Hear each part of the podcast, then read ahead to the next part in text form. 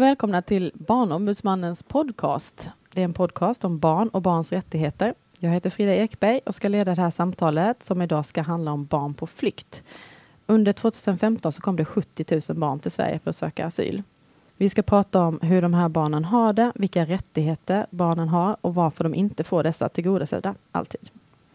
Med mig idag så är tre gäster. Det är advokat Ignacio Vita som sedan 2015 driver egen advokatverksamhet med inriktning på asyl och migrationsrätt. Och han är numera också verksam som doktorand på Uppsala universitet. Välkommen hit. Tack för det. Och sen har vi Anna Lindblad, rättslig expert med ansvar för barnfrågor på Migrationsverket. Anna Lindblad har också tidigare arbetat på Caritas och rådgivningsbyrån för flyktingar och eh, asylsökande. Välkommen du också. Tack. Och så har vi Fredrik Malmberg, barnombudsman och chef över myndigheten Barnombudsmannen. Välkommen du också. Tack. Myndigheten Barnombudsmannen har sedan 2015 träffat och samtalat med ett stort antal asylsökande barn. Vad är ditt generella intryck, Fredrik Malmberg, av de här asylsökande barnen? Får de sina mänskliga rättigheter tillgodosedda här i Sverige, tycker du? FNs barnrättskommitté som granskar alla länder som har bestämt sig för att följa barnkonventionen, de sa ju redan 2015 till Sverige i sina rekommendationer att de tyckte att eh, man skulle behöva stärka upp i lagstiftningen barns egna asylskäl, alltså barnspecifika skäl för att göra det tydligare. Man var kritisk till att det dröjde länge innan barn fick en god man. Och man var kritisk till möjligheten för barn och unga att komma till tals. Man pratade om det här olämplighetsrekvisitet som finns i svensk lagstiftning och det där låter ju helt obegripligt men det går ut på att, att eh, barn inte behöver komma till tals om det är olämpligt. Om man bedömer det som tjänsteman så kan man låta bli då att barn kommer till tals. Lite förenklat uttryckt. Det där var man kritisk mot och det är klart att eh, hösten 2015 eh, då kom det många barn till Sverige. Eh, då satte systemet ännu mer på prov. Det var ju alltså efter den här kritiken. Och det barn och unga berättar för oss som vi har träffat. Det är ju, några har ju haft en bra process och beskriver det förstås, men många är ju beskriver en lång, lång väntan på att överhuvudtaget komma till ett eh, asylförhör, att få berätta om sina skäl. Det är liksom det stora, stora problemet. Alltså, det dröjer mm. väldigt länge innan man ens får berätta någonting. Mm. Så du tycker att det finns allvarliga brister ändå? Ja, man hör det barnen beskriver så tycker jag att det är allvarliga brister. Det är inte bara den långa väntan utan också det här att eh, det som barnrättskommittén pratar om, barns egna asylskäl, tycker jag verkar när man hör vad barn och unga berättar som att det kommer väldigt mycket i skymundan. Det är ingenting som man får frågor om eller något större intresse kring. Håller du med om detta, Ignacio Vita? Ja, det, det, skulle jag säga. Jag skulle vilja eh, kanske återkomma till det lite senare också, men jag tror att vi lever kvar i någon slags föreställning om vem flyktingen är. Vad eh, menar du då? Ja, alltså att, att, att, det finns liksom någon slags norm kring och en syn som ju har väldigt mycket med att göra när flyktingkonventionen kom till efter andra världskriget, nämligen att flyktingen är en man som har tagit till vapen oftast mot någon form av militärregim, eh, har väldigt tydligt politiskt ställningstagande mot, mot eh, det samhället han lever i. Och, och jag tror att vi, vi är liksom kvar i den synen på flyktingar. Och det gör att, att till exempel både kvinnor, person med annan sexuell läggning och barn inte riktigt så att säga, tas på allvar eller ses som liksom, rättsliga subjekt, personer som faktiskt kan ha egna asylskäl helt oberoende av, av... Är det på av, väg att ändras? Det låter ju väldigt allvarligt. Men tror du liksom att nu har vi en helt annan situation med många barn som har kommit till Sverige, många familjer. Det är ju inte den här eh, normtypen som du beskriver från, från andra världskriget längre. Kommer det ändras eller hur tycker du? Ja, jag hoppas att det kommer ändras och jag, det kanske håller på att ändras väldigt långsamt. Men jag tror att en stor del av de problem som barn möter i sitt möte med till exempel Migrationsverket och i, i, i de här asylprövningarna är just att den bilden är väldigt stark fortfarande. Mm. Och man, man ser barn som ett bihang till, till föräldrar. Man ser barn som så att säga väldigt passiva offer för, för en allvarlig säkerhetssituation. Mm. Och man gör inte, tycker jag, tillräckligt ingående bedömningar som Fredrik är inne på när det gäller barnspecifika asylskäl. Jag tycker inte att man tar dem riktigt på, på fullt allvar faktiskt. Vad säger du Anna Lindblad från mm. Migrationsverket? Eh, när du hör det här, hur reagerar du då? Nej, men jag håller nog med det Ignatius säger. Jag skulle säga att det inte bara gäller för Migrationsverkets prövningar utan på många sätt samhället i stort när man pratar om barn eh, och deras individuella asylskäl. Jag får ofta frågan externt ifall barn kan vara en, en samhällsgrupp till exempel i, enligt eh, då flyktingdefinitionen och det är ju självklart att barn kan vara det. Så jag upplever också eh, att det finns absolut eh, brister i hur vi ser på barn i asylprocessen. Sen då vad som hände ja, under den här ökade flyktinginströmningen och så, så då, då satte ju vårt system på prov. Och det visade att det höll ju inte i vissa delar när det blev en sån jättestor inströmning på, ja, särskilt då vad gäller ankomstboendena. Och det har ju gjort att vi har ju fått arbeta nu med att ja, utveckla både formen och titta på innehållet också. Och med formen menar jag den här omarbetade skyddsprocessen då för att säkerställa att barn får rätt information och att, det liksom, ja, att initialprocessen blir bra. Men om du ska säga det som Ignacio mm. säger här med att man fortfarande ser flyktingen som en mm. man, som krigsförbrytare nästan. Eh, att man inte har liksom kommit in i det här med att se det som att det är familjer som kommer, det är barn mm. som kommer. Hur, mm. hur, men vad det gäller, Ja, precis. När vad det gäller barns egna asylskäl så har det alltid varit någonting som man har pratat om att här barn blir inte riktigt eh, tillräckligt synliga i asylprocessen. Det gjorde man för tio år sedan när jag var på Rådgivningsbyrån och gjorde en kartläggning om det. Och nu har vi haft det nya systemet med domstol och migrationsöverdomstol i tio år, men det har inte hänt så jättemycket. Mm. Vi har mm. inte fått någon praxis från migrationsöverdomstolen. Nej. Ehm, men jag skulle nog säga att det kanske särskilt avser barn i familj. På Migrationsverket så arbetar vi ju hela tiden med att barns rättigheter ska bli tillgodosedda i asylprocessen. Men man måste också ställa sig frågan ifall vi har tillräckliga kunskaper och eh, där kan vi nog bli bättre, mm. tror jag. Vi ska lyssna på ett citat från alla de här barnen som Barnombudsmannen faktiskt har träffat. Det är en eh, kille från Afghanistan som har flytt till Sverige och eh, han säger så här. När jag och min lillebror kom till Sverige var vi glada. Allt såg helt okej okay ut. Vi fick nya kläder, en ny familj. Vi fick gå till skolan och vi blev glada. Men efter några månader då kom de svåra dagar för den nya asyllagen och ett återvändaravtalet gjorde att allt blev mörkt på en gång. Ingenting är cool längre, ens när jag är på Liseberg. Samtidigt tänker jag på min mamma, lillasyster och lillebror. Var kan de vara? Lever de fortfarande? Kan jag träffa dem en gång till? Har de mat att äta? Har de en säng att sova i? Jag tänker om Sverige vill skicka tillbaka mig till Afghanistan, hur ska jag då berätta, berätta om den för min flickvän? Att vi inte kan träffa varandra igen, att vi får sluta nu. Hur ska jag hitta mat att äta för mig och min lillebror? Jag tänker på mina studier. Jag vill bli en psykolog. Jag studerar jättehårt. Det är första gången som jag kan gå till skolan. Och då går jag till skolan eh, till den sista minut som jag kan. Just nu är mitt, mitt liv som en jude under andra världskriget som inte kunde eh, göra något. Allt som jag kunde se i min framtid försvann. Vad ska jag göra nu? Vad är det som ska hända? Om min lillebror ska fråga mig, vad ska jag svara honom? Jag kan inte tro att jag är, i, jag är fortfarande i Sverige. Ja. Hur, hur reagerar ni när ni hör det här? Om vi börjar med det, Anna. Ja, nej men det här är ju någonting som jag känner igen väldigt mycket. Mm. Eh, både från mitt arbete eh, på Migrationsverket och tidigare då som eh, ombud och offentligt biträde.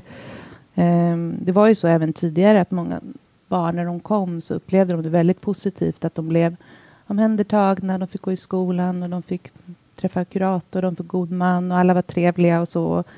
Och ofta upplever man ju också asylprocessen att det går bra, eh, att, att uh, utredaren är trevlig och så vidare. Och sen så eh, när man kanske inte får ett uppehållstillstånd då, så, så blir, ja, eller att man skrivs upp till 18 år så blir verkligheten helt annan. Så jag känner mm. igen det. Samtidigt så ehm, är det ju mycket svårare nu med de tillfälliga tillstånden och som han beskriver då att barn faktiskt återvänder till Afghanistan idag. För så var det ju inte tidigare. Nej. Vad säger du Ignacio Känner du igen bilden? Ja, det gör jag verkligen. Det jag har, har liksom märkt är just att, att uh, ohälsan ökar man, när man träffar klienter asylsökanden så, så är ju liksom både frustrationen och hopplösheten är väldigt stor. Och man känner ju också en maktlöshet som ombud i att, i att man har en lagstiftning, dels den nya lagen men även den, den här praxisändringen från Migrationsverket när det gäller den, den gamla så att säga, utlänningslagen där, där, som ju innebär att har man fyllt 16 år i princip så, så får man ett tillfälligt uppehållstillstånd tills man fyller 18 och sen så, så blir det en utvisning. Den verkligheten är väldigt svår att, att berätta och förmedla till barn mm. som befinner sig i den, den, väldigt svåra situation som, som de befinner sig i. Så att, ja, jag känner, jag känner verkligen igen mm. hans berättelse. Och Fredrik Malmberg, när du hör det här, vad, vad känner du? Ja, man känner ju väldigt starkt. Jag har ju mött många av de här barnen som vi har träffat och eh, det här är ju en röst, men det är också barn som beskriver eh, Eh, att man faktiskt inte förstår vad det är att söka asyl, inte förstår asylprocessen överhuvudtaget och känner sig oerhört vilsna i det. Och bland de starkaste mötena var väl barn och unga som beskrev att de var rent av rädda för de här mötena. Eh, en flicka som i och för sig var lättare efteråt för hon trodde att hon skulle bli arresterad efter förhöret. Alltså det är på den nivån att man faktiskt inte förstår vad, vad det här är för myndighetsmöte, mm. vad som ska hända med en. Eller att man har väldigt svåra upplevelser som man känner att man inte kan dela med sig av på de här mötena. Därför att eh, ja, det, är svårt, det är svårt för vem som helst att dela med sig av väldigt intima händelser, men att göra det på det sättet på de här mötena beskriver många barn att det, det har inte gått om man har förstått det efterhand att det borde man kanske ha gjort, för det har varit viktigt att göra det. Så det finns ganska mycket att säga om det sätt, men det har ju ni varit inne på här också, hur man gör de här förhören, alltså hur lämpad är man att faktiskt prata med barn ja, om svåra saker? Om vi stannar upp precis kring det, eh, när det gäller att möta barn och få barn att berätta vad de varit med om och kanske få fram de här asylspecifika skälen som gäller för barn. Barnspecifika skäl heter det. Hur ska man prata med barn för att få fram deras skäl, tycker du? Det barnen säger till oss, eh, ungdomarna, det är ju att det är otroligt viktigt för dem själva att förstå vad det är för möte de går till. Att alltså ha förhandsinformation Eh, på sitt eget språk, kanske någon filmad variant där man kan förstå vad är det som kommer hända nu och att det här inte dröjer allt för länge. Det går ganska mycket rykten om vad det är för någonting som händer också. Det är viktigt att komma till de här mötena ganska tidigt i processen, berättar barn och unga.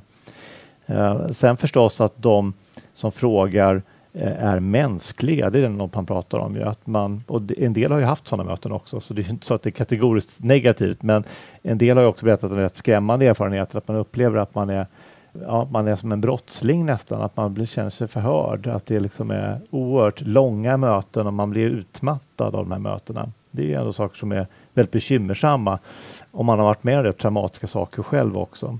Så det måste ju anpassas till att det är barn och unga man möter. Och återigen det här med vem är norm i asylprocessen kan man tycka kanske att en vuxen man inte heller ska utsättas för en del av det som barn och unga beskriver. Men barn är ju självklart känsligare än vuxna mm. och det ska anpassas efter det.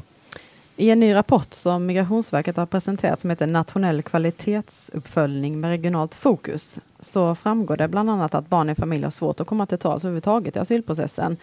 Det finns barn som inte får prata med en utredare överhuvudtaget eh, och det samlade beslutet som familjen får kanske inte redovisas eller bedöms när det gäller just barnens egna asylskäl. Och det kan ju vara då till exempel barnäktenskap eller könsstympning eller att man riskerar att bli rekryterad som barnsoldat. Anna Lindblad, vad beror det på att man inte låter barn komma till tals i, i asylutredningen? Nej, de eh, exempel som du ger, det är ju fel i utredningen. Det är ju sånt som ska föranleda ett återförvisande från domstolen. Det är ju alltså, barn ska ju höras. Och den här lämplighetsbedömningen, det är ju kanske ifall det är ett barn som kanske mår väldigt psykiskt dåligt, ett ungt barn eller kanske ett barn som är väldigt, väldigt litet. Alltså, men huvudregeln är ju alltid att barn ska höras. Mm. Eh, jag har svårt faktiskt att se när det skulle vara olämpligt. Jag har svårt att tänka på ett exempel liksom rent eh, i teorin när man inte skulle höra ett barn. Gör man inte det, och som sagt i de fall som du beskriver och barnäktenskap och barnsoldater, det är ju, det är ju ett fel i handläggningen. Mm. Men har Migrationsverket rätt kompetens om den här rapporten ändå visar att man inte klarar av att eh, mm. höra barn i ja, de här precis. fallen?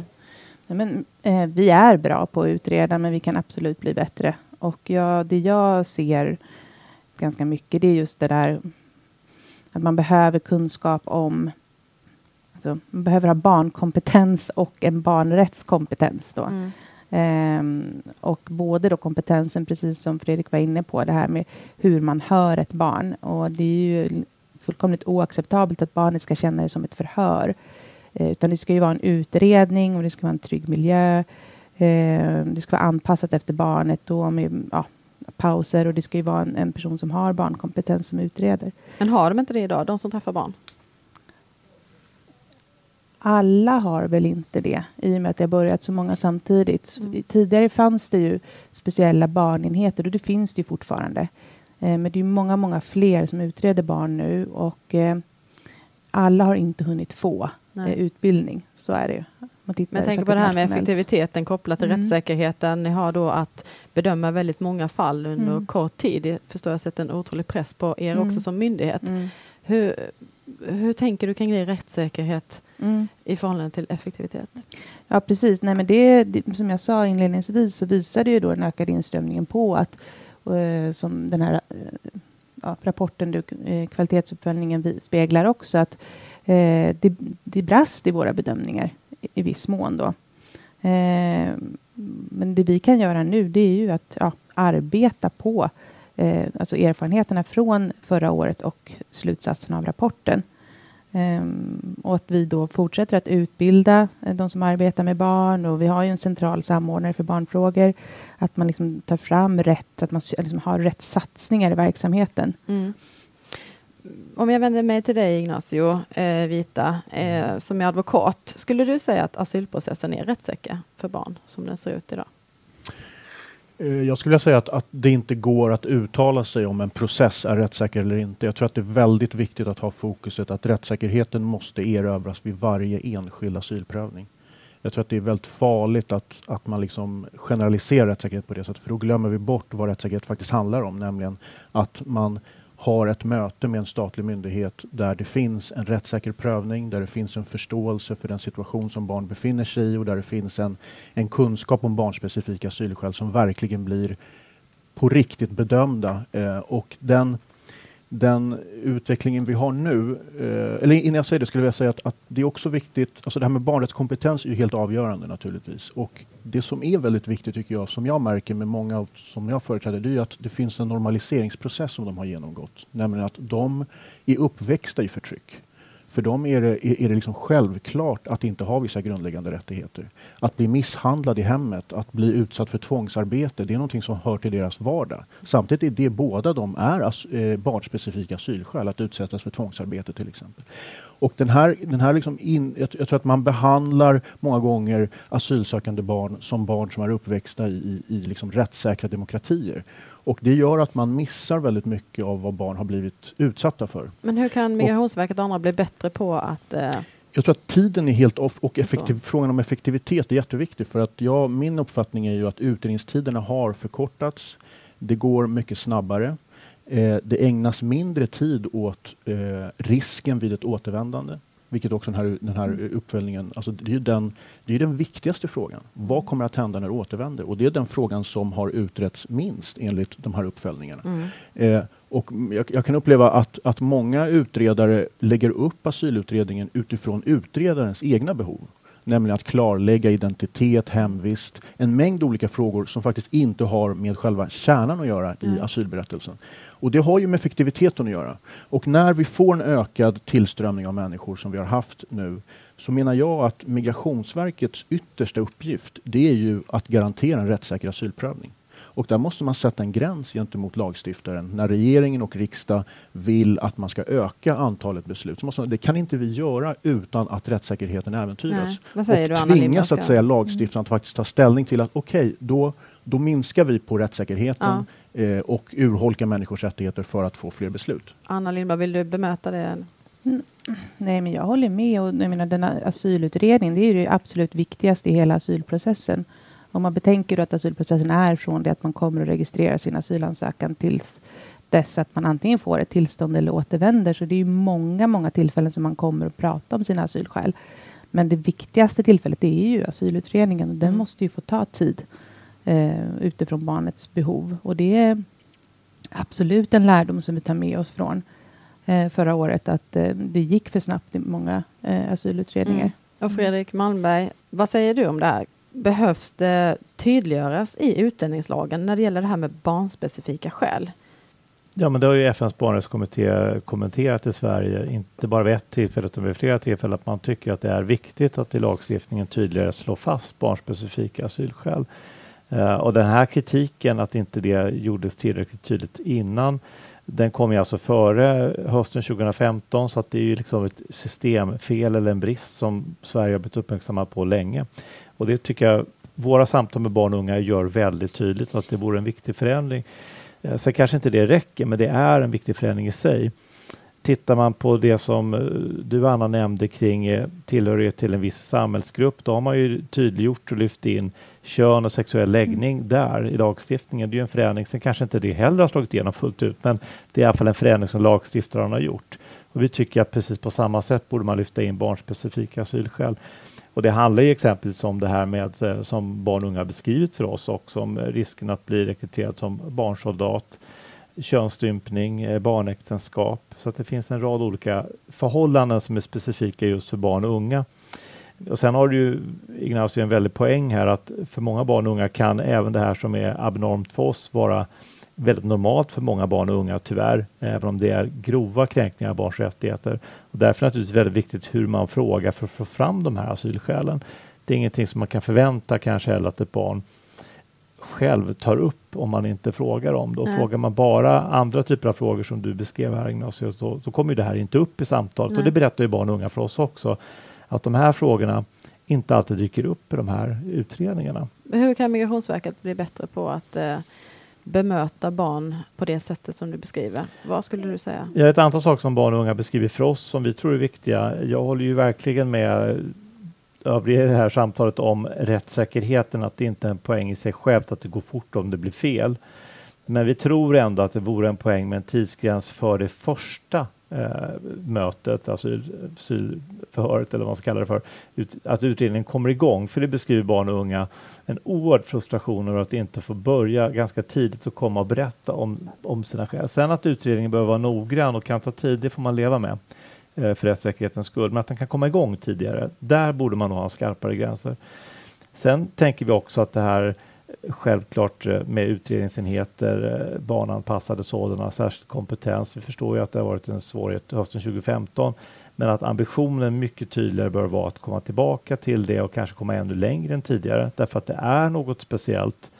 Det ställer särskilda krav att prata med barn och unga än vad det gör eh, med i andra grupper. En tredje sak som kan vara viktig är ju också vilken information man har kring barns situation i de här länderna som barn har flytt ifrån. Um, om man följer det, uh, det är inte alltid man har den här landanpassade informationen barnanpassat och det, är också en viktig sak att ha. Att kunna se att exempelvis i Afghanistan mellan 2014 och 2015 uh, så blev det en fördubbling i uh, risken för barn att rekryteras som barnsoldater. Att man behöver följa utvecklingen de länder barnen kommer från. Mm. Ja, en, en, en viktig fråga tycker jag som i vart fall jag inte hittills har, har sett har, har diskuterats. Det handlar ju om är det några som bör läsa den här uppföljningen tycker jag så är det ju migrationsdomstolarna och migrationsöverdomstolarna. Alltså det är ju helt obegripligt hur så många ärenden av de granskade inte har utretts tillräckligt utan att de har ett återförvisats av migrationsdomstolen eller två ändrats av migrationsdomstolen. Och det tycker jag, jag tycker det aktualiserar liksom relationen mellan lagstiftaren och rättstillämparen där, där vi har domstolar som inte verkar inte riktigt kunna förmå den här granskande och kontrollinstansen som de, som de ska göra. Utan anledningen till att vi får reda på det här det är ju för att Migrationsverket själva gör uppföljningar. Mm. Inte för att, så att säga, migrationsdomstolarna återförvisar som man gör i många andra rättsområden där, där liksom domstolarna faktiskt är och utgör en faktisk kontroll av, av Migrationsverket. Mm. Jag upplever när jag processar i migrationsdomstolarna så är det ju jag upplever dem som väldigt osjälvständiga domstolar som endast i undantagsfall ifrågasätter vad Migrationsverket gör och hur de utreder. Det finns ju exempel här där, där jag vet inte om det var nästan om det var hälften av besluten som var inte tillräckligt motiverade. Vissa var, hade ett språk som inte ens var begripligt. Alltså hur, hur det inte kan få ordentliga konsekvenser av överinstanserna. Så det behövs är, någon slags tillsynsmyndighet då på migrationsdomstolarna eller, eller vad är det som behövs? Jag tror att, jag tror att eh, domstolarna har fått och får allt mer göra avvägningar som och eh, avvägningar och, och ta ställning till saker som de upplever är politiska eller är, är saker som de inte så att säga anser sig ha, ha rätt att, att gå in i och, och granska. Och jag tror att migrationsrätten är ett typiskt sådant område där domstolar tyvärr förhåller sig ganska okritiskt till, till både lagstiftningen och till Migrationsverkets beslut.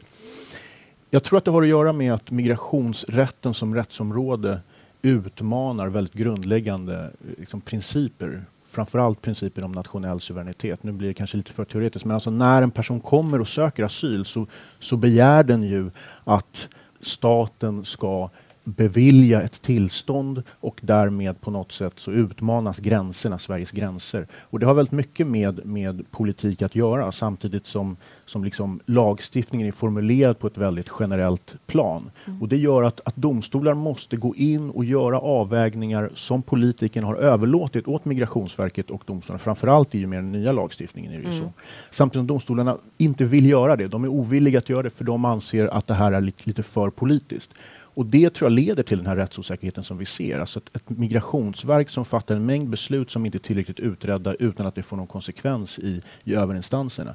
Jag tycker att Migrationsverket har anledning att fundera på hur det kan bli på det här sättet. Mm. Eh, det finns liksom något slags strukturellt eller ett institutionellt problem i migrationsrätten som gör det här möjligt. Ja. Anna Lindblad, finns det något institutionellt problem som du ser det? Mm. Nej, men det man kan ju konstatera att ändringsfrekvensen är oerhört låg i Migrationsdomstolen och att ja, det finns ju också, det finns ju också rättsliga frågor där vi, Migrationsverket, ibland har en eh, nästan generösare tolkning än domstolarna. Jag tänker på bland annat ett känt avgörande som handlar om eh, hur man gör sin identitet sannolik. Där eh, och sin underårighet också för barn, där Migrationsverkets inställning är att är jättetydlig att man kan göra det genom sina muntliga uppgifter. Men där domstolarna ibland eh, har en striktare bedömning och menar att det krävs eh, då skriftlig bevisning eh, och ID-handlingar. Mm. En annan sak som jag har upplevt just från migrationsdomstolarna eh, när jag arbetade som ombud eh, det var att det var svårt att få till muntliga förhandlingar med, med barn. Eh, att man fick kämpa lite för att det skulle bli... Va varför var det så, tror du? Att det inte alltid, de tyckte inte alltid det var lämpligt. Och nu, jag vet inte hur det har förändrats. Nu är det fem år sedan jag jobbade som ombud. Men ja. eh, det är ju sällan man har, till, hör barn i familj. Det är oerhört sällan som man gör det i domstol. Ja. Till exempel. Och Även om jag vänder mig bara till dig lite kort, Fredrik Malmberg. När du hör det här, vad, vad, hur reagerar du? Man hör inte barn i familj. Du pratar om, om domstolsprocesserna, ja, men, men, men, generellt överhuvudtaget i utredningarna kommer ju barn i familj inte fram särskilt mycket. Det visar ju tidigare undersökningar och det visar även våra samtal. Eller att de här frågorna handlar om något helt ovidkommande där barn beskriver att de får fråga om vad vill du bli när du blir stor? Och man svarar jag vill bli busschaufför. Ja, det har ju ingenting med själva utredningen att göra, så det är ju en meningslös diskussion och barnen förstår ju också att det här är lite konstigt. Men man kan få den typen av frågor i alla fall. Jag tror att det är oerhört viktigt att, och det är också som den här barnrättighetsutredningen som föreslår att barnkonventionen ska bli lag pekar på att man skärper upp det här i lagstiftningen, hur barn och unga får komma till tals. Och där tror jag också FNs barnrättskommitté är något rätt, riktigt på spåret med det här olämplighetsrekvisitet. Det blir liksom en dålig ursäkt för att låta barn komma till tals på riktigt och det Barnrättskommittén säger till Sverige det är ju att ja, men ni ska säkerställa att det är tryggt för barn och unga att komma till tals. Ni ska inte hindra barn i svåra situationer från att komma till tals. Ni ska se till att ni har ett system som gör att man kan komma till tals även i svåra situationer. Mm. Så Det behöver vi ta åt oss av, tänker jag. Men en annan aspekt, bara för att skjuta in kort, eh, för det är en intressant fråga det här kring kvalitetsbrister. Jag tycker i och för sig att det är bra att Migrationsverket har gjort de här kvalitetsuppföljningarna, att man har eh, vågat visa på, på brister och belysa dem. Jag tror dock att man behöver komma ännu längre i det. En del av det är det som Ignacio är inne på, förstås att domstolar återförvisar när det är bristfälligt gjort. Eh, en annan idé skulle också kunna vara en kombination. Att man lär sig lite av det som eh, finns när vi tittar på socialförsäkringarna, där Försäkringskassan ju har en motpart i inspektionen för socialförsäkringen som tittar på systemeffektivitet, alltså hur, väl fungerar Försäkringskassan eh, i deras bedömningar, hur väl efterlevs de rättsliga ställningstagandena. Jag tror att Migrationsverket skulle kunna behöva något liknande. som inte handlar om enskilda fall utan som handlar om hur systemet fungerar. Någon slags inspektion för Migrationsverket faktiskt. Det behöver inte vara någon stor sak men jag tror att det skulle vara bra med en oberoende aktör som tittade på hur väl de här rättsliga ställningstagandena efterlevs. Och Det skulle vara en hjälp för verket själv tror jag. Spännande idé. Vad säger du Anna Lindblad? Hur skulle Migrationsverket Ja. se på en sån utveckling med en, med en inspektionskraft över sig ändå som kanske kan Ja, jag göra vet- viss nytta? Precis, nej, jag vet inte riktigt vad jag ska svara på det om jag är rätt person heller. Men, men det jag tycker med en fas det är ju att de här mätningarna är oerhört viktiga för oss. Och jag skulle helst se då att man följer upp den här eh, som vi har gjort nu om barn, den kvalitetsuppföljningen, att man följer upp den varje år. Eh, och att man kan jobba också mer med rotorsakerna och liksom att det är ett kontinuerligt förbättringsarbete. Det skulle jag tycka var jättepositivt att se. Då. Det här var 2015, ja, men hur såg det ut då 2016? Har vi blivit bättre? Och så vidare. Ja. Mm. Vi går vidare. Det här är alltså Barnombudsmannens podcast och då pratar vi om barn på flykt. Vi ska gå tillbaka lite till barnens vardag. Ehm, en del barn som Barnombudsmannen har träffat berättar om ett mottagande som varit både otryggt, där de har haft stora boende med främmande vuxna och många som har flyttat fram och tillbaka inom Sverige. Det vill säga många uppbrott, eh, en lång väntan till exempel på att få god man och ingen meningsfull sysselsättning. Andra barn har fått vänta länge på att få en skolplats. Varför finns det de här problemen, Fredrik Malmberg? Jag kan säga lite av det här befarade vi redan hösten 15 när vi gjorde våran ankomstrapport när vi var ute och mötte barn och unga på de här stora ankomstboendena. Eh, då såg vi ju ändå hur brist i samverkan mellan myndigheter och brist i strategiskt tänk hur det skulle kunna leda till att man byggde in problem på sikt och det, det, så blev det ju. Framförallt de här omflyttningarna tycker ju barn och unga, beskriver ju barn och unga som väldigt, väldigt smärtsamma och besvärliga. Man börjar eh, på ett ställe kommer in i en skola som rycks man upp och det är klart att det är ju egentligen helt onödigt att vi hamnat i det. Varför har det blivit så? Varför, det, varför flyttas man flera gånger? Jag, jag förstår inte det. Ja, det finns väl flera förklaringar till det, men en har ju varit att kommuner som man anvisas till inte kunde ta emot och så hamnar man i en annan kommun och så vill med dyra avtal och så vill den här första kommunen som egentligen hade ansvaret plocka tillbaks barnet till sin kommun. Det kan väl vara ett skäl. Men för barnen blir det ändå helt obegripligt. De kommer ju verkligen i kläm. Eh, och det vi hade velat se, det var ju att man mycket tydligare tillsammans från myndigheternas sida strategiskt tittade på det här tillsammans för att hitta lösningar som skulle hålla på sikt. Och vi tror att man måste dra väldigt stora lärdomar av det som hände hösten 15 för att få ett mycket bättre mottagande där staten tar ett större ansvar initialt. Vi pratar om de ensamkommande då framförallt. Att det inte blir de här ankomstkommunerna som får ta det här första eh, stora ansvaret och sen så att anvisningen sker på det sätt som skedde. Men, men om man tittar på barnkonventionen, så här, har barn rätt till ett långsiktigt boende? Ja, så här. Eh, rätten till skydd är ju en sak som ska prövas då, men när man väl är här under den tiden så är det ju viktigt att mottagandet är bra. Och då är ju det här med rätten till utbildning, rätten till eh, eh en god man, det är ju grundläggande viktiga rättigheter. Och det är klart att får du ingen vuxen du kan knyta an till för att du flyttas runt väldigt mycket, får du avbrott i din skolgång, är du på boenden som är otrygga. Vi mötte ju barn som var ganska blandat på rätt stora boenden i början. Barn från minoritet som blandas med stora andra grupper, flickor med boenden, väldigt många pojkar. Det kändes ju många gånger som att det var mer brister i mottagandet. Det fanns en brist på tänk, ska jag säga, Mhm. som jag tänker när vi har jobbat internationellt, eller jag har jobbat internationellt tidigare för Rädda Barnen, som är rätt basalt i flyktingsituationen att ändå ha på plats. Hur man tänker kring hur man ska säkra barns grundläggande skydd i en sån situation som inte alltid fungerar faktiskt här. Där man har kunnat dra en del lärdomar utifrån, Nej. tänker jag. Vad säger ni andra två om detta, Ignacio Vita? Om barnens rätt till långsiktigt boende, vad har du träffat? Skulle vi kunna ändra någonting som du ser det eh, i, i lagen för att få kommuner att se till att man, man har ett boende och sen bor man kvar där? Folk flyttar ju två, och tre och kanske fyra gånger inom Sveriges gränser. Jag brukar aldrig svara på det här sättet, men jag tror jag, jag väljer att passa på det faktiskt. För att min, min eh, verksamhet eh, har väldigt lite med, med den delen att göra. Jag, jag, jag jobbar ju väldigt mycket med, med barn i själva asylprocessen och hjälper dem där. Och jag har för lite kunskap faktiskt kring vad man, alltså hur mottagningsprocessen eh, liksom går till och vad, Okej. som, vad som skulle behövas där. Så att, men det är helt uppenbart att, det man kan säga det är helt uppenbart att boendefrågan påverkar asylprocessen i den meningen att, att den påverkar deras mående. Det påverkar deras möjligheter att fritt berätta om sin situation. Eh, det jag brukar göra när jag träffar eh, de barn jag företräder är att jag ägnar ganska mycket tid att fråga hur de har det på boendet. Eh, många vill ju inte berätta om missförhållandena. De vill inte vara till besvär. De, de vill liksom, eh, så att, så att det, finns ju, det finns ju en koppling, det gör det ju. Men, men jag, jag eh, Migrationsverket kanske har, har bättre Vad säger Migrationsverket? Anna ja? Nej, jag har ju läst eh, Barnombudsmannen rapport då från eh, ankomstboendena och den visade ju på stora brister. Eh, men jag skulle faktiskt vilja säga att med så som vi arbetar nu med den omarbetade skyddsprocessen och hela den nya processen som vi har för barn utan vårdnadshavare då jobbar vi ju med alla de här delarna eh, mellan kommun och Migrationsverket för att det, och, och god man, då, överförmyndarnämnden, för att det ska bli bättre. Och det här är ett väldigt alltså, gediget, tungt arbete som vi håller på med he, hela tiden.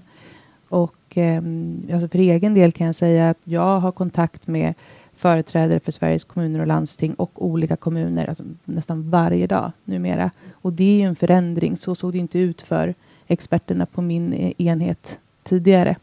Utan det här är ändå förbättringsarbete som pågår.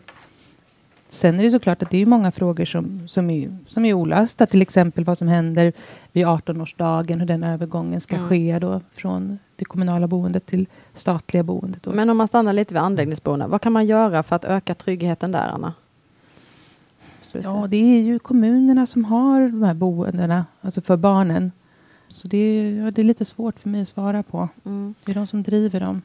Tar vi barn i familj, eh, när det är de ensamkommande barn så tänker jag att vi behöver ta ett större statligt ansvar initialt i processen för att bedöma vilket behov det här barnet har initialt och också se till att eh, det inte hamnar på de här kommunerna som råkar ligga vid gränsen att ta emot väldigt många om det kommer många barn när det gäller barn i familj så är väl en väldigt viktig sak att fundera över som barnen lyfter fram. Det är otrygghet på de här boendena där man bor blandat med ensamma vuxna också på de här boendena. Man upplever att man inte kan vara i uppehållsrum, annat att det är en del alkohol, att man upplever, man upplever helt enkelt stor otrygghet. Mm. Och där kan man ju fundera över om man överhuvudtaget ska blanda barnfamiljer med andra grupper på boendena. Faktiskt. Tror du att det skulle vara möjligt för kommunerna att eh, förändra på det sättet? Med ekonomiska ramen de har och man har hört att det finns en viss eh, vinsttänk också när man inhyser barn som kommer. Det är bara att bestämma egentligen hur, hur du får vara. Om du är en barnfamilj, hur du ska vara förlagd. Det, men det kan man väl bara bestämma. Att vi inte accepterar att du har den här blandningen som skapar så mycket otrygghet. För det är ju väldigt återkommande våra möten med barn som är i barnfamiljer på de här blandade boendena. Att man upplever otrygghet på boendet. Och det är ju inte okej. Okay. Nej. Vi ska beröra också det här med den tillfälliga lagstiftningen som finns idag när flyktingar kommer hit. Det var ju den 20 juli 2016 som den tillfälliga utlänningslagen trädde i kraft som innebär att eh, flyktingar och alternativt skyddsbehövande enbart kan få tillfälliga uppehållstillstånd. Vad har det här beslutet inneburit för barn, Fredrik Malmberg? Jag kan säga, vi jobbar tillsammans med våra motsvarigheter i hela Europa. Det finns ju barnombud i 34 europeiska länder så det här är ju ingen unik svensk utveckling att man har fått en mycket mer restriktiv politik. Det är ju flera länder som har fått och det har blivit lite av en dominoeffekt också förstås där ett lands åtstramningar har lett att ett annat land har gjort det och så var det med det svenska beslutet också. Eh, så det oroväckande, dels kan man prata om hur det ser ut i Sverige förstås, vad det innebär här. Men vi, jag tror man också måste vidga perspektivet och det har vi gjort på de europeiska barnombudsmötena som vi har haft både i Vilnius, Paris, eh, Amsterdam där vi har tittat på den här utvecklingen de senaste åren. Eh, det är ju vad som händer för barn på flykt i hela Europa och det är ju det som vi ser att riskerna för barn på flykt ökar successivt. Det blir farligare eh, att ta sig till Europa när man kommer till Europa och också på vägen dit man hamnar. Eh, och att det blir hårdare helt enkelt på olika sätt. Om man tittar på den svenska lagstiftningen, ja, vad det har inneburit, det kan vi gå in på detalj, men det är klart att den stora förändringen är ju att familjeåterförening har försvårats kraftigt och också det här att du förstås inte kan få permanent uppehållstillstånd. Ja, det finns ju en liten ventil förstås för det kvar, men den är väldigt liten. Eh, med, med de följder det får just framför allt för barn och unga där den här att eh, leva i limbo kan få ännu större effekter. Mm. Eh, att inte kunna få det här framtidsbeskedet. Så att det, det har ju förstås fått följder och exakt var det landar juridiskt, det vet vi ju inte i och med att det här ska ju prövas också i rättsinstanser och annat. Och det, exakt hur man tolkar en del av de här ventilerna som finns. Det finns ju vissa små öppningar för familjeåterförening och för att få permanent uppehållstillstånd, men de är ju rätt små de öppningarna. Exakt hur små, det vet vi inte. Vad säger du Ignacio Vita som ändå har varit med i många asylprocesser och följt barn och familjer där. Med den här nya tillfälliga lagstiftningen, vad ser du för förändringar? Det är det Fredrik är inne på. Dels övergången från permanenta uppehållstillstånd som huvudregeln till, till e- i princip enbart tillfälle, om vi nu pratar om barn så är det tillfälliga uppehållstillstånd och eh, begränsad rätt till familjeåterförening. Men också som det verkar, det beror ju som sagt på hur, hur rättstillämpningen kommer att utvecklas, men utrymmet för att få uppehållstillstånd på grund av eh, Eh, humanitära skäl, alltså synnerligen särskilt ömmande omständigheter, verkar ju vara ännu mer restriktiv än vad den var tidigare. Det är i vart fall lagstiftarens intention att den ska vara mer restriktiv. Och det gör ju att barn som är sjuka, barn som är väldigt traumatiserade, barn som befinner sig i, i liksom situationer som är väldigt eh, humanitärt ömmande kommer inte att få uppehållstillstånd i samma utsträckning som tidigare. Så att vi kommer se, tror jag, fler utvisningar som, som liksom framstår som, som humanitärt väldigt stötande. Eh, samtidigt så har ju, har ju varit en förändring som gäller den gamla lagen som vi var inne på tidigare, där man ju också har i princip infört tillfälliga uppehållstillstånd eh, för många barn som inte har eller inte betraktas ha, ha asylskäl, som är liksom ett eh, minst lika stort problem. Och det leder ju till den här tillfälligheten i livet för barn som är otroligt. Man kan ju bara gå till sig själv när man har en tillfällig anställning eller tillfälligt boende. Alltså den frustrationen och maktlösheten som, som som liksom permanentas för väldigt många människor. Som gör det omöjligt för dem att etablera sig i det nya samhället och som, som gör att man lever i, i någon slags skräck för att i framtiden behöva, behöva återvända. Och det urholkar ju också innehållet i skyddet. För att, för att om, du, om du har rätt till ett skydd som i praktiken bara är hela tiden tillfälligt eh, så, så blir det en, en, en, liksom en successiv urholkning, dels i rättigheten men också hur vi ser på barn på flykt. Det blir så uppenbart att det spelar roll om du är svenskt, ett svenskt barn eller, eller ett, ett, ett icke-svenskt barn. Och den, den synen på människor eh, tror jag kommer i förlängningen att, att eh, bli väldigt skadlig för vårt samhälle men också för, för dem och deras liksom, självbild och, och uh, utveckling. Mm. Ja, det kan få långsiktiga konsekvenser säger du och det kan också bli värre. Det låter ju väldigt allvarligt, eller hur Fredrik Malmberg? Ja, absolut, det gör det ju. Och, eh, det här var ju tänkt att vara en tillfällig lag och det gäller ju också. Det, det, är klart att effekterna blir ju ännu större om det nu inte får vara en tillfällig lag utan att det här tillståndet mer eller mindre permanentas. För då blir det ju under väldigt, ännu längre tid så att du lever i limbo. Uh, och man kan fråga sig hur ska du tillbringa en hel barndom på det sättet då? Så att det där blir väldigt viktigt att följa hur utvecklingen blir. En annan effekt som är, som är väldigt bekymmersam som vi är oroade över det är ju de barn som i praktiken eh, hamnar i ett slags statslöst tillstånd där ju det krävs permanent uppehållstillstånd för att kunna få svenskt medborgarskap. Vad som händer med de barnen. Mm. Anna Lindblad från Migrationsverket. Kommer det bli värre eh, som Ignacio Vita säger och finns det någonting att göra? Tycker du? Jag, jag, förstår att det är ett politiskt beslut och man har ämnat att strama åt processen eh, och göra det svårare, bland annat med familjeåterförening. Men vad tycker du om det här egentligen? Precis som du säger, att vi på Migrationsverket vi följer givetvis den här tillfälliga lagstiftningen. Och kommer man fram till då att det är den som ska tillämpas i ett fall, då blir alternativen till något annat än tillfälliga tillstånd väldigt, väldigt få. Eh, jag håller med det som Ignacio sa om att lagen innebär en skärpning av ja, det som är humanitära skäl. Då. Men framför allt det som jag upplevt på Migrationsverket, det är ju att vi har ju ingen vi har ju ingen erfarenhet av den här formen av tillfälliga tillstånd till barn. Utan det har ju alltid varit en svensk liksom, utgångspunkt i migrationsrätten att barn ska ha permanenta uppehållstillstånd och eh, barnfamiljer ska hållas ihop. Så att ja, men jag ser väl ganska alltså, ovisst på framtiden helt enkelt. Bara vad, vad ska hända i de här förlängningsansökningarna? Hur ska de bedömningarna gå till? Och jag vet att det är alltså, ökat psykisk ohälsa bland barn. Det får jag hela tiden, eh, främst kanske från kommunerna och eh, skolkuratorerna faktiskt framför allt. Eh, då via kommunerna som, som är väldigt tyngda av det här. det är väl inte en helt ljus bild. Nej, Nej. inte en ljus bild Fredrik Malmberg. Nej, det är inte det. Och tittar man tillbaka, det finns ju uppföljningar som har gjorts, så har man ju sett att just ensamkommande barn har ju klarat sig faktiskt bättre än barn i familj, vilket har förvånat många när man kollar tillbaka hur det har gått med jobb, utbildning och så. Det där undrar jag hur det kommer att se ut om man tittar tillbaka på den här perioden nu. Det här var ju när man tittar på då när man jobbade med permanent uppehållstillstånd. Det finns ju väldigt mycket, och det såg ju vi när vi mötte de här barnen tidigt 2015, väldigt mycket av kraft, eh, framtidshopp, eh, initiativförmåga i gruppen. Men det är klart, ju längre du lever på det här sättet med att du inte kan veta din framtid med oro, eh, där du inte kan starta någon slags återhämtningsprocess, det, det, det får ju svåra följder. Mm. Framtiden är oviss. Vi ska avsluta det här avsnittet eh, med att prata om vad som finns utblicken, alltså om vi, om vi vänder blicken framåt och utåt från här vi sitter nu till det politiska klimatet. Om man pratar om den här stramare politiken, den hårdare retoriken mot flyktingar som också sker i vårt samhälle. Om vi tittar på till exempel massmedia, vad som skrivs där och tonen i de sociala kanalerna. Har klimatet hårdnat, tycker ni, eh, generellt sett utifrån eh, det vi har varit med om att eh, många har sökt asyl från 2015 och framåt. Vad skulle ni säga om det? Vi börjar med dig, Ignacio Vita.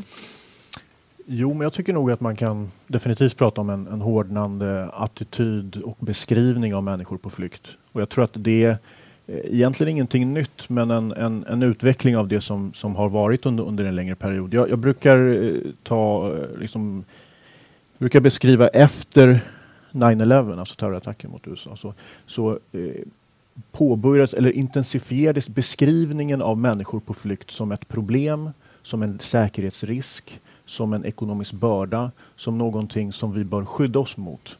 Och man började så att säga blanda in säkerhetsargument med, med människor på flykt, trots att det egentligen finns väldigt lite empiriskt stöd för, för att, att, så att säga, kombinera de två. Och jag tror att den synen på flyktingen som någon som vi behöver skydda oss mot har ju också gjort att Europa har gjort det allt svårare för människor att ta sig till Europa just för att, att skydda oss mot, mot det, här, det här problemet.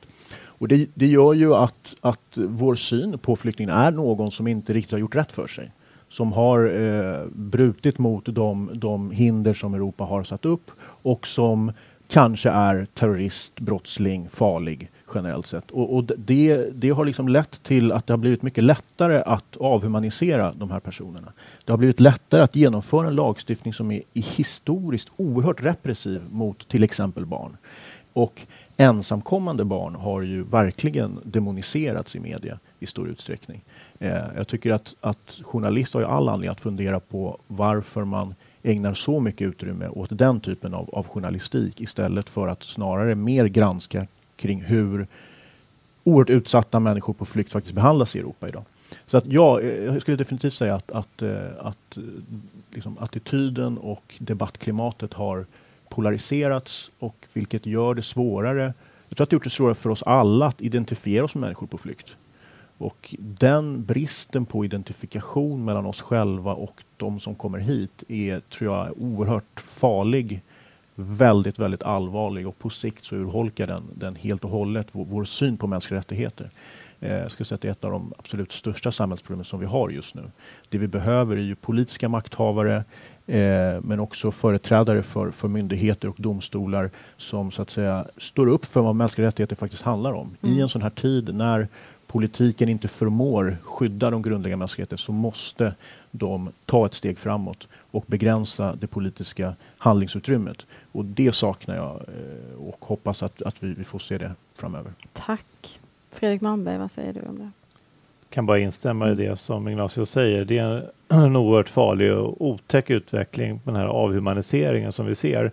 Och det är väl det vi också hoppas att vår rapport nu kan bidra till att ändå bryta. Därför det vi gör i vårt arbete det är att vi har mött 600 barn och unga som har kommit till Sverige på flykt. Det är deras röster som vår rapport lyfter fram, deras beskrivningar. Det är ju människor av kött och blod, det är barn och unga eh, som barn och unga här med drömmar, idéer, tankar. Eh, och man måste se människan bakom de här siffrorna som vi pratar om hela tiden. Därför att gör man inte det, då hamnar man i den här avhumaniseringen. Då trängs mänskliga rättigheter tillbaka som vi ser i Sverige och i flera andra europeiska länder.